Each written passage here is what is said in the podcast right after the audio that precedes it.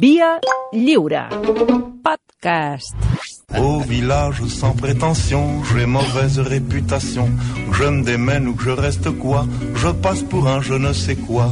Ne farem bé, eh? Hola, Santi Jiménez, bon dia. Hola, molt bon dia. Hola, Malcom Otero, molt bon dia. Hola, molt bon dia. Veus que bé que estan? Perfectes i puntuals tots dos. Bé, avui qui és el... Qui és, qui és l'execrable? Avui eh, canviarem, perquè és el dia dels innocents. A part de que la innocentada, bàsicament, ha sigut... Que el Malcom arriba com vol? Clar, eh, i clar, i avui parlarem bé d'algú. Eh? Sí, un, una persona... Però ara parlareu bé? Sí, senyor, sí, sí, sí. sí.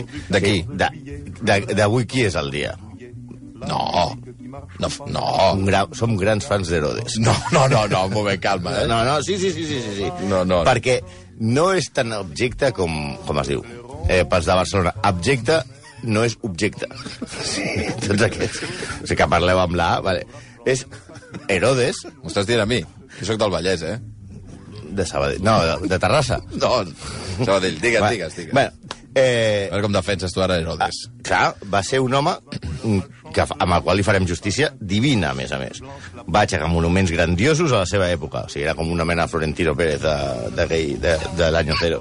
Va portar la distribució d'aigua a la ciutat de Jerusalem. Eh, és el que parlaven els, els de Monty Python, quan feien allò. Sí. Que han hecho los romanos por nosotros? Por nosotros. Aquest, aquest, aquest eh, parlaven d'ell. Herodes. Va construir l'arc de Robinson, de Michael No. abans de que jugués a l'Osasuna, que és l'anglès que porta més temps parlant malament el castellà amb John Carly. Eh, va fundar ciutats, va iniciar un temple, que no el va acabar ell, el va acabar un descendent seu, no com Gaudí, mira, que queda un mur en el qual resen cada any a Jerusalem milers de persones, i els hi surt de collons. Un home que va crear temples de diverses religions perquè tots poguessin adorar el seu particular execrable. A Déu, vol- volem dir, eh? Un tipus que va crear molta ocupació, com Felipe González o Aznar. Va contractar mil sacerdots, com Boitila, i a, la, i a més a més va posar molta gent als seus temples. Va morir, ojo això, 3 o 4 anys abans del naixement de Crist. Per tant, eh, li atribueixen coses que no va fer. Com? No. Això va morir 3 o 4 anys abans de néixer Crist? No va Doncs tenir. la matança no és, no és No seva? és seva. Què dius? No, és inventant ara l'innocent és ell. Et vindran, et vindran, et vindran caient de tots pedrades, els eh? Els historiadors han dit que no hi ha cap document que demostri que això va passar. També, eh, per tant, parlarem bé d'Herodes, també conegut com Herodes el Gran, però simplement Herodes. Per què, per què no hi ha cap nen que es digui Herodes?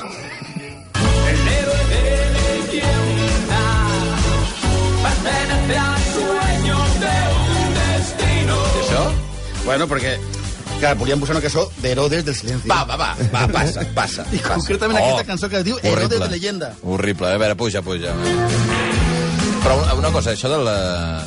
O sigui, tota la secció serà parlar bé d'Herodes? No, o... no, és broma. És Ah, broma. val, val, Però val. volíem aprofitar per desmentir la Era com matança. arribar tard. Era com tard, arribem quasi tard. Val. Eh, volíem aprofitar per desmentir la matança dels innocents el dia dels sants innocents. O sigui, que no es, va, no es van matar tants nens. No, no. I nosaltres avui no parlarem bé Tot i, d'Herodes. tot i que Què? a tots els pares que ens escolten, Que, de tots aquests que tot el Nadal a que les porten Nadales dia volien 20. comprar una, una pancarta que digués Visca Herodes! I que arribi al silenci. Herodes del silencio. Va, prou. Ja, això. Bueno, avui no Creus que parlarem héroes del d'Herodes. silencio ho van pensar així? Era Herodes del silencio, en No, realitat, i no es van atrevir. Crec que no. A, a, avui abusarem d'un home petit. Ai, entre dos, contra un enano, Va. eh, amb el pes del Malcolm i la meva alçada, o sigui, un, pa, a- abusarem d'un senyor mida terra mitjana. Ai. Tenia, media metro 55, però tenia una mala llet tremenda. O sigui, perquè ell mateix es deia a si mateix que jo faig l'alçada d'una escopeta, però sóc molt més perillós. Però és veritat que parlarem d'un escriptor que tenia un talent immens, un puto geni, una persona que admirem, però que també ens la carregarem, ens és igual. La humanitat es divideix entre els que l'han llegit i els agrada i els que no, i no els agrada perquè no l'han llegit. Un home que va trencar barreres que separaven la ficció de la no ficció, que va escriure llibres, relats, textos periodístics, tots collonuts, que es va fer amic de la gent més glamurosa del món, que era la salsa a totes les festes, en això estem eh, com nosaltres. Un home genial, que era un ni nivell Cristiano Ronaldo, molt mentider, nivell Javier Negre, però amb molt més talent. Eh? Oh. Un tipus que era una mala peça, que traïa els seus amics, que feia mal a tots els que se li acostaven, que tenia una am- ambició que no coneixia límits. Per tant, avui li traiem el barret a Truman Extractfus Persons, també conegut com Truman García Capote i mundialment conegut com Truman Capote.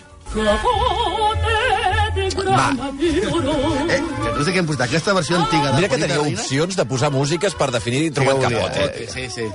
Pues, ja, vol que posés... River. Bueno, sí, sí, que per cert, perquè és que no, que no heu vist llegit el llibre, eh, Esmorzar a, a Tiffany's és prostituta. Ella és prostituta. Ja, bueno, dit això? sí, Això sí. Hem posat aquesta versió Puta. Noi, va, de vinga, anem Reina passant. i no la d'Isabel és Pantoja Nadal. perquè no O estem preparats. així. Molt abans de Pretty Woman. Va, Molt abans, va, molt va. No estem preparats per posar Isabel Pantoja a la nostra secció. Mm. Tornem a Capote, el nostre, no el de Granayor. La seva mare es divorcia quan és petit d'un senyor que es diu, ojo, Archulus, Archulus Persons. Archulus, que sembla un nom científic, no? El Archulus Archulus, con golpe de cadera y mirada penetrante. I es casa amb un senyor cubà d'origen canari, Sí, que es un diu, vago. que diu, el muchacho es diu José. García Capote. Mhm. I Truman Que té nom de puro. i Truman passa a dir-se Truman García Capote, encara que signaria sempre com Truman Capote. Ah, però jo em pensava que era un sobrenom. No, no, És no, el del padrastre. sí, El del padrastre cubà, cubano. Però abans de No, cubano, canviar-se el has dit canari. No, cubà d'origen canari. Ah, bueno, Pues, també saps fer l'accent canari? És molt semblant al és molt cubà. semblant, però és com entre Venezuela i Cuba. Muchacho. Bueno, però abans de Ah, tu canviar-se... sí que el fas bé, eh? Sí, muchacho, tu lo haces... Sí, lo haces muy bien. Ara digues, ara digues paguato. No, no, no vull més. Va, va. Deixeu-me en pau. Jo com si no hi fos aquí, deixeu-me estar. Bueno, abans de canviar-se el nom, just després del divorci de la seva mare, del, del, del, de, de divorciar-se d'Arxulus Arxulus, l'envien a un poble... Arxulus mi pirulus. Arxulus mi pirulus. L'envien a un poble... Per favor. Ho havia pensat, però no, no ho vaig aquí. No, no. L'envien a un poble que és anomenat Monroeville, on és veí i es fa amic d'una nena que es diu Harper Lee, la seva única amiga. Sí, fins i tot des de l'ESO, i els millennials saben, sabeu qui és Harper Lee, no? No teniu ni puta idea. És igual. L'autora de, de Matar un rossinyol. Sí. Sí, sí, sí. sí, Bueno, sí. la Si pel·lícula- l'última que has vist la és Ben Hur, pel·lícula. la, la, la muda, home. No, no. ja sé que no l'has llegit allò, però uh, Gregory Peck, fent Sí. sí. d'Atticus Finch, Atticus Atticus, Arxurus Arxurus, eh? aquesta novel·la, que, que no, l'heu avui llegit ni sabeu avui- de què va, Avui no, no avançarem. eh, hi ha un personatge que és el Dil, és el nen, que segurament es va inspirar en Capote. Mm. Però aquesta amistat que va durar molts anys, perquè els dos, eh, Harper Lee i Capote, se'n van a Nova York, eh, Monroeville és un forat que està a Alabama, i es va trencar per la traïció de Capote a Harper Lee. Poc després de que Harper Lee enviés la seva novel·la als editors, Capote va llegir en un diari la notícia de l'assassinat de la família Clatter a Holcomb, Kansas, que és a la que inspira la novel·la eh, Sang Freda. Sí. Vale? I va decidir anar a estudiar el cas. La qüestió és que estem parlant de l'any 1959 i que Holcomb era una població metodista del Midwest americà, és a dir, molt pitjor que Lleida. I allà ningú feia cas Ai. a aquest senyor, que era tamaño llavero, amb veu rara. Seràs animal? Molt Com que tamaño llavero? Sí, home, era un tamagotxi, o sigui, una cosa així. I vestit d'una manera molt excèntrica. O sigui, que arriba a un lloc on, on si no saps Aquest conduir senyor- un tractor, no ets ningú. Clar, Truman... No Crida l'atenció, vols dir, trobant Capote quan arriba. Bastant, era un bitxo- era un sí, bitxo sí, raro, Sí, no, no, era- no, no, no el van fotre a la sèquia de miracle. Sí, al- allà són tots redneck i Truman no encaixava i ningú parlava amb ell. Explica, això ho explica Harold Nye, que és un dels detectius del, del cas. Però Nell, que és Harper Lee, va sortir i va establir la relació amb la gent. Es va esforçar i va aconseguir els contactes amb els locals i va poder introduir Truman. És a dir, van treballar com Woodward i Weinstein, pels de l'ESO són els del Watergate. Watergate, mm. Us sona? Gola profunda? Us sona? Però No, no aquesta, no, aquesta gola no profunda no, l'altra. Bueno, Va, és igual. va, bueno, vinga, són tira. com són com Pajares i Esteso, com Ortega i Gasset, com Ramon i Cajal. En fi, que gran pal del mèrit d'aquesta investigació es devia a Harper Lee. I què va fer Capote? Li va donar el crèdit que es mereixia? No. La va posar en els agraïments al costat del seu xicot. Va dir, per Jack Dunphy i, Har i Harper Lee, amb el meu amor i gratitud. Ella Quins- no li va perdonar Home, mai. 15 anys. O sigui, la meitat de la feina la va fer ella. Sí. Sí. ella- Clar, és que aquí no acaba la cosa. Ella, a més a més, va tenir un èxit colossal, va guanyar el Pulitzer, ell mai el va guanyar, i, i ell es va posar molt gelós contra, contra Harper Lee, que era la seva amiga de la infància. La seva venjança va ser no desmentir el rumor totalment fals que corrien als cercles literaris de Nova York, de que ell havia participat en, en, el, en l'escriptura, en la redacció de Matar un rossinyol.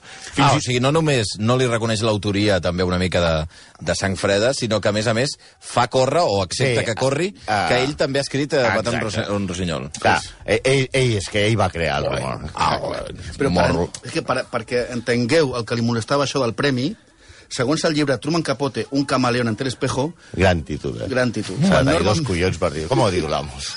quan Norman Mailer va guanyar el Pulitzer i el National Book Award, amb Exèrcits a la nit, història com a novel·la, la novel·la com a història, és a dir, amb una novel·la de no ficció, com a Sang Freda, va acusar Mailer de plagi, dient que Mailer mai l'hauria escrit sense llegir a sang freda. Diu literalment, faig una cosa veritablement innovadora. I aquí es premia Norman Mailer, que escriu aquest gran frau. I no, mai va dir, li dec això a Truman Capote. Ells es porten els premis, i jo res. Jo me'ls mereixia. No donar-me'ls és totalment injust. A la merda tots! Mm. Sou tan injustos que no sabeu reconèixer quan una cosa és única, original, grandiosa. A la merda! Però escolta'm, qui era? Era Capote o era La que el... no, què vols que que està de Capote? La cosa és, la pregunta és, penseu que a Capote li agradava la seva pròpia novel·la? Sí, el que dubtem és que li digués a la cara a Norman Mailer. perquè li hagués fotut una bufa que l'envia... Clar, perquè a més a més... Perquè això que ho, ho diu segons aquest llibre. Sí, són declaracions que. Declaracions que ell fa. Sí, sí que ell, ell, ell considerava que, que com la seva primera novel·la... Com, clar, és que dir, si no hagués llegit a Sang Freda, no hagués escrit eh, el, el, Vale. el llibre que hagués escrit, però clar, si no hagués sabut llegir, tampoc l'hagués escrit, pues, mm. vés a saber, bueno, és igual. Eh, jo crec que a Sang Freda li agradava bastant amb ell, i estava molt encantat. Quan estava en el procés d'escriure eh, el, el llibre de la redacció, li va escriure una carta a Harper Lee, encara eren amics, que diu, eh, obro cometes, quan penso en lo bé que m'està quedant i lo bona que serà aquesta novel·la, se'm talla la respiració. A veure, aquest tipus realment problemes d'autoestima no en tenia, no? no. Però l'assumpte d'aquest llibre té més traïcions encara. Com bé descriu Gerald Clark en el seu llibre de títol molt críptic, Capote, va aconseguir fer-se molt amic... No, va, va donar una volta... Sí, eh. Com li dic? Com li diem? Va, capote, tira. Va, va, eh, va fer-se, com, com tots també heu llegit aquest llibre, Sí. va aconseguir fer-se molt amic de Perry Smith, mm. un dels dos assassins, i va arribar fins i tot a buscar-li un bon advocat. Fins aquí, mira, bé, el que passa és que ho va fer per perllongar la seva vida i donar-li temps perquè ell es confiés i li expliqués i li relatés el crim en primera persona. Però una vegada que ho va aconseguir, el va deixar tirat. Ell mateix es va debatre entre els seus presumptes efectes cap a Perry, és a dir, que se'l volia calçar, i el seu desig de veure el mort per poder publicar el seu llibre i tenir el final perfecte. El final perfecte era que acabessin pelant a, a Perry i a, i a l'altre, no? Per poder-ho escriure, per poder escriure com era els el final mataven. perfecte. És a dir, li va donar un cop de mà per pur interès. O sigui, era un grandíssim cabron. Va ser capaç de construir el relat i es va involucrar a la trama fent-li donar esperances a, a, a un dels dos assassins, que a més a més el volia punxar, i per tal de fer un monument literari sense tenir en compte que aquest pobre desgraciat es jugava la vida. Però no van arribar a intimar. Mm, bueno, Home, hi havia una paret de vidre enmig. no crec. Però és que també se la va jugar a l'altre assassí. Perquè Richard Hitchcock, que és l'al- l'al- l'altre criminal, mm. al principi es va fiar de Capote, però de seguida es va donar que, no que realment no l'anava a ajudar. Llavors, Hitchcock va decidir escriure ell mateix el que havia passat. O sigui, ell mateix. O sigui, abans que ho escriguis tu ja ho escric jo. Aquests dos s'havien carregat tota la família. Ah, bueno, sí, no, no, que, que tampoc Sí, no tampoc, són, eh? no són angelets. a- a La No? mateixa Fradó que ho va fer va escriure 200 pàgines. Amb la diferència que ell deia que era un assassinat per encàrrec de 10.000 dòlars, mentre que Capote va dir que els assassins creien que hi havia una caixa forta amb 10.000 dòlars. Bueno, en assabentar-se Capote, que era tan, tan competitiu, va intentar comprar el manuscrit, però va fracassar. Aleshores, què va fer? El va silenciar i mai va dir res de la seva existència. Hitchcock va enviar dues còpies. Una a l'editorial de Capote, que ja era un autor d'èxit, també s'ha deixat innocent. L'editorial de Capote va dir això, no diguem no hi direm res. I una altra a un periodista de Kansas que es deia Mark Nations. Mira. Però la sort... Mark Nations. Mark Nations. Però sort Enviat especial. Què vols dir? Si et dius Nations, i va fer... És igual. Va, tira. United, bueno. Però, um, Sí, United de segon. però, bueno, però la sort estava de part de, de Capote. Per sí, què? perquè un, un se'n va cap a l'editorial I i, un els de l'editorial diuen, mira, Sí, eh, ara, ara, ara Perdona, publicarem això. aquí de, de mm. I l'altre se'n va un periodista, que es diu Mark Nations. Sí, aleshores, però la sort estava a part de Capote perquè van empresonar a Nations Què per dius? Evasió d'impostos i suborn. I en sortir de la presó, es va, el dia següent es va matar un accident de cotxe. Ma, Bueno, però, perdona, es va matar amb un accident de cotxe... No sé, jo no crec que Capote, ja no, ja no diem que anar així. Capote mai va esmentar res d'aquest test, ni va dir que el coneixia, ni sí. res, res. A més a més, a, el seu text de Sang Freda, que és meravellós, té, però té moltes llicències, com donar un paper més professional i tapar les errades dels investigadors, per exemple, el cas Alwyn Dewey, que era el, el, el gran investigador que, que apareix allà. Però hi ha omissions interessades.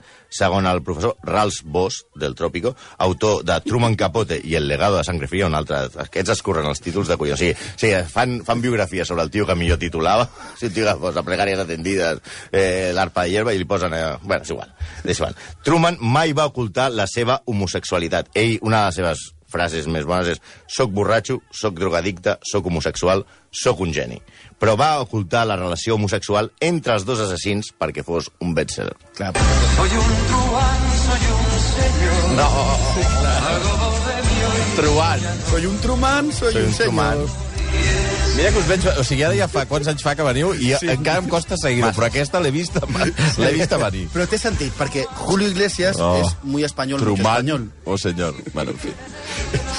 I, I Capote va estar un temps a Espanya.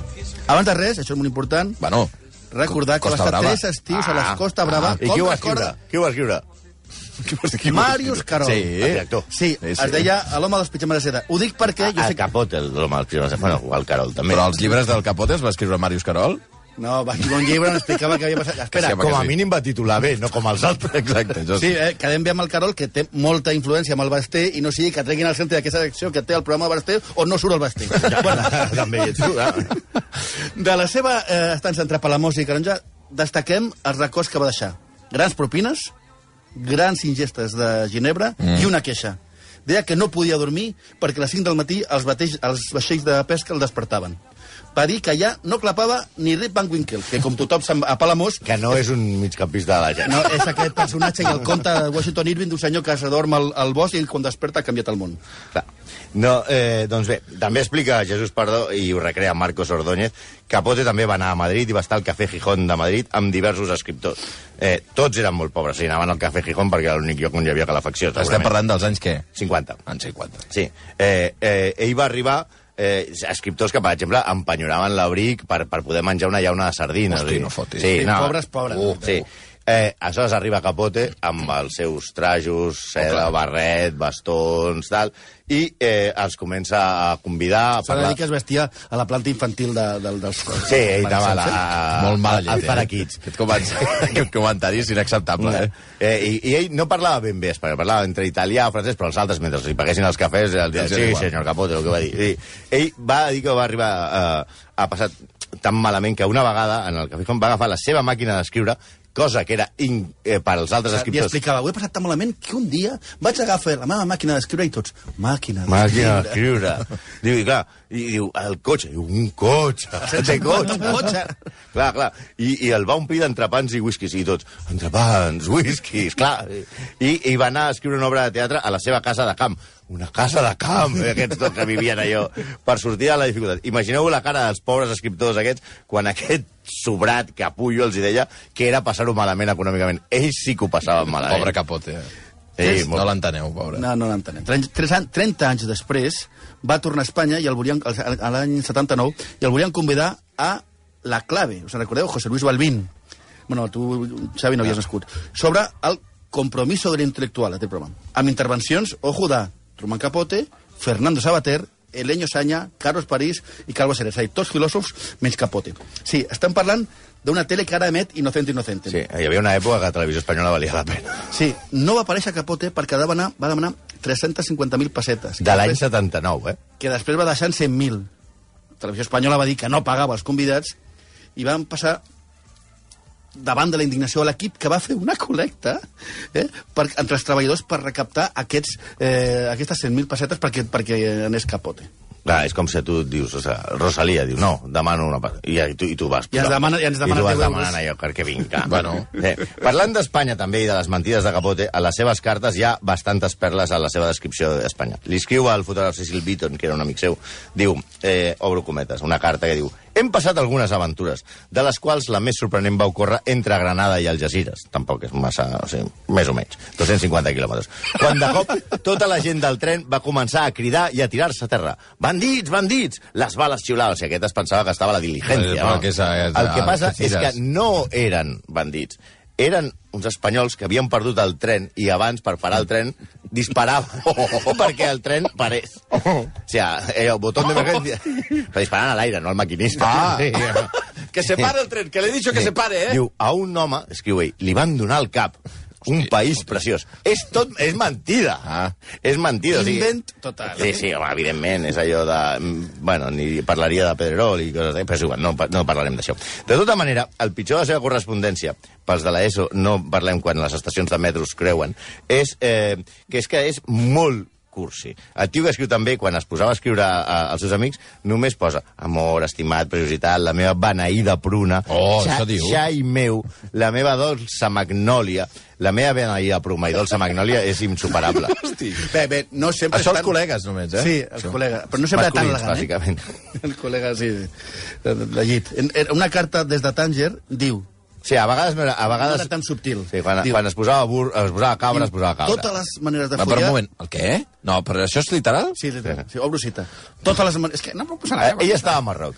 Sí. S'engorila i escriu un amic, sí, el següent. I li diu, totes les maneres de follar que et Vinga. puguis imaginar. Això. Tenien un àrab amb una polla, no t'ho creuràs, escolta'm, va, que almenys mesurava 35 centímetres i que a sobre va. era bonica. Vinga. Bueno, sense comentaris. Però si alguna cosa era Truman, era mal amic.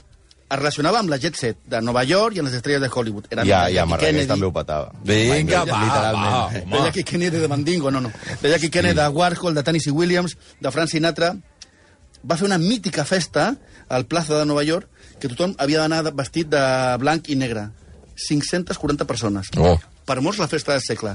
Es va gastar 150.000 dòlars. Sí, però aquestes festes les feia, i aquí ve el perill, eh, perquè en aquelles festes eh, la gent s'entajava eren, i li explicava, les, era un grandíssim conversar, un tio molt simpàtic, i amb tot això que va recopilar les seves festes, ell, el 1975, escriu i publica a Sky un capítol del llibre eh, inacabat de Plegàries ateses, que és el, el seu últim llibre, i destrueix a molts d'aquests amics que li havien eh, revelat les seves confidències.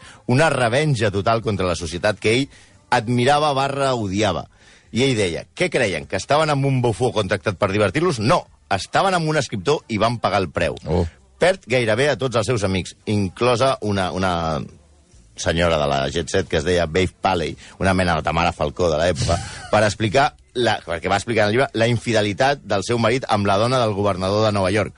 Només li queda la germana de Jackie Kennedy, Lee Radziwill, però quan Gori Vidal li posa una demanda per difamació, perquè deia que també se l'havia calçat, eh, eh, ella no, eh, i ella no es vol ficar, ell va a un programa de televisió i la destrossa. És un tipus realment perillós. Sí, tampoc corresponia a, a, a la cortesia. El director Joshua Logan li va impedir entrar en el rodatge de Sayonara. I, però Marlon Brando va dir, home, pobret... És aquella pel·lícula ridícula que Marlon Brando es caracteritza de japonès. Sí, sí. I, I li va oferir sopar amb ell per compensar-lo. I a El Marlon Brando, li Marlon. Brando va dir... Ja que no has pogut entrar, ara, anem a ara sopar. Té un llibre de retrats, Capote, Qui? que, expli Capote, Capote. que explica, eh, fa un retrat de Marlon Brando que el destrossa. Sí, aleshores, eh, a més d'explicar alguna conferència, sembla que Capote es va inventar la meitat de les coses. O sigui, rotllo Javier Negre total. I és que, a més, mentia més que parlava. Com ens recorda Víctor Fernández, gràcies Víctor, es va inventar que va conèixer a Lee Harvey Oswald. Oh. Fins i tot que havia tingut una relació íntima, ja sabeu el que vol dir els oients, amb Albert Camus. Era com el, el pequeño Nicolás de les lletres americanes. A més, en totes les seves, com ell havia dit, sol, sense amics, perquè se'ls havia, se'ls els havia destrossat a tots, va acabar alcoholitzat i addicte a les pastilles, a totes les substàncies que trobava, i va tenir diversos... I a més, però seguia conduint, va tenir diversos accidents amb el seu cotxe. Va xocar contra un bar, sis ferits, i va ser expulsat d'una universitat perquè es va presentar una conferència, diguem-ne, segons diuen les cròniques d'època, oscil·lant, amb una ampolla de vodka, sí, amb una ampolla de vodka a la mà i remugant incoherències, mentre 1.500 estudiants Uah. que havien de pagar 5 dòlars per seient esperaven les seves paraules. Va morir als 59 anys, curiosament a la casa de Johnny Carson, que era un dels pocs amics que li quedaven. I espera, que va seguir fent... eh, O sigui, el mite de Capote Stank va seguir fent negoci. Part de les seves cendres es van subestar fa uns anys, oh. em sembla que el 2012, em sembla, i es van vendre per 40.000 dòlars. Uah. El preu de sortida era 1.700, i hi havia una gent que va intentar eh, fer, fer la puja. El comprador anònim va assegurar que les comprava per portar-les amb ell quan sortís de festa. perquè deia, és el que faria. Tot, estava, tot el que està relacionat també es revaloritza. La casa, famosa casa groga de Brooklyn en la que va viure, la va vendre, eh, es va vendre per 9 milions de dòlars i la va comprar una senyora que no havia llegit mai un llibre de Truman Capote. O sigui, per a nosaltres... Eh, És que la gent que té 9 milions de dòlars no ja, ja, ja clar, eh, nosaltres l'admirem molt, però eh, els, sobretot admirem els petits cabrons talentosos sempre que no tinguin les plegàries perquè el liquidaran a sang freda. Mira quin final més rodó m'ha quedat. Les 11 i 3 minuts, eh, execrables, que vagi molt bé, bona sortida de 2019, bona entrada del Sí, la 2020. setmana que ve? Sí, bueno, sí, pot ser, pot ser, perfectament. Sí, sí. Si no em fan fora. Eh, 11 i 3 minuts. Fora, Tout le monde viendra me voir pendu sauf les aveugles, bien entendu.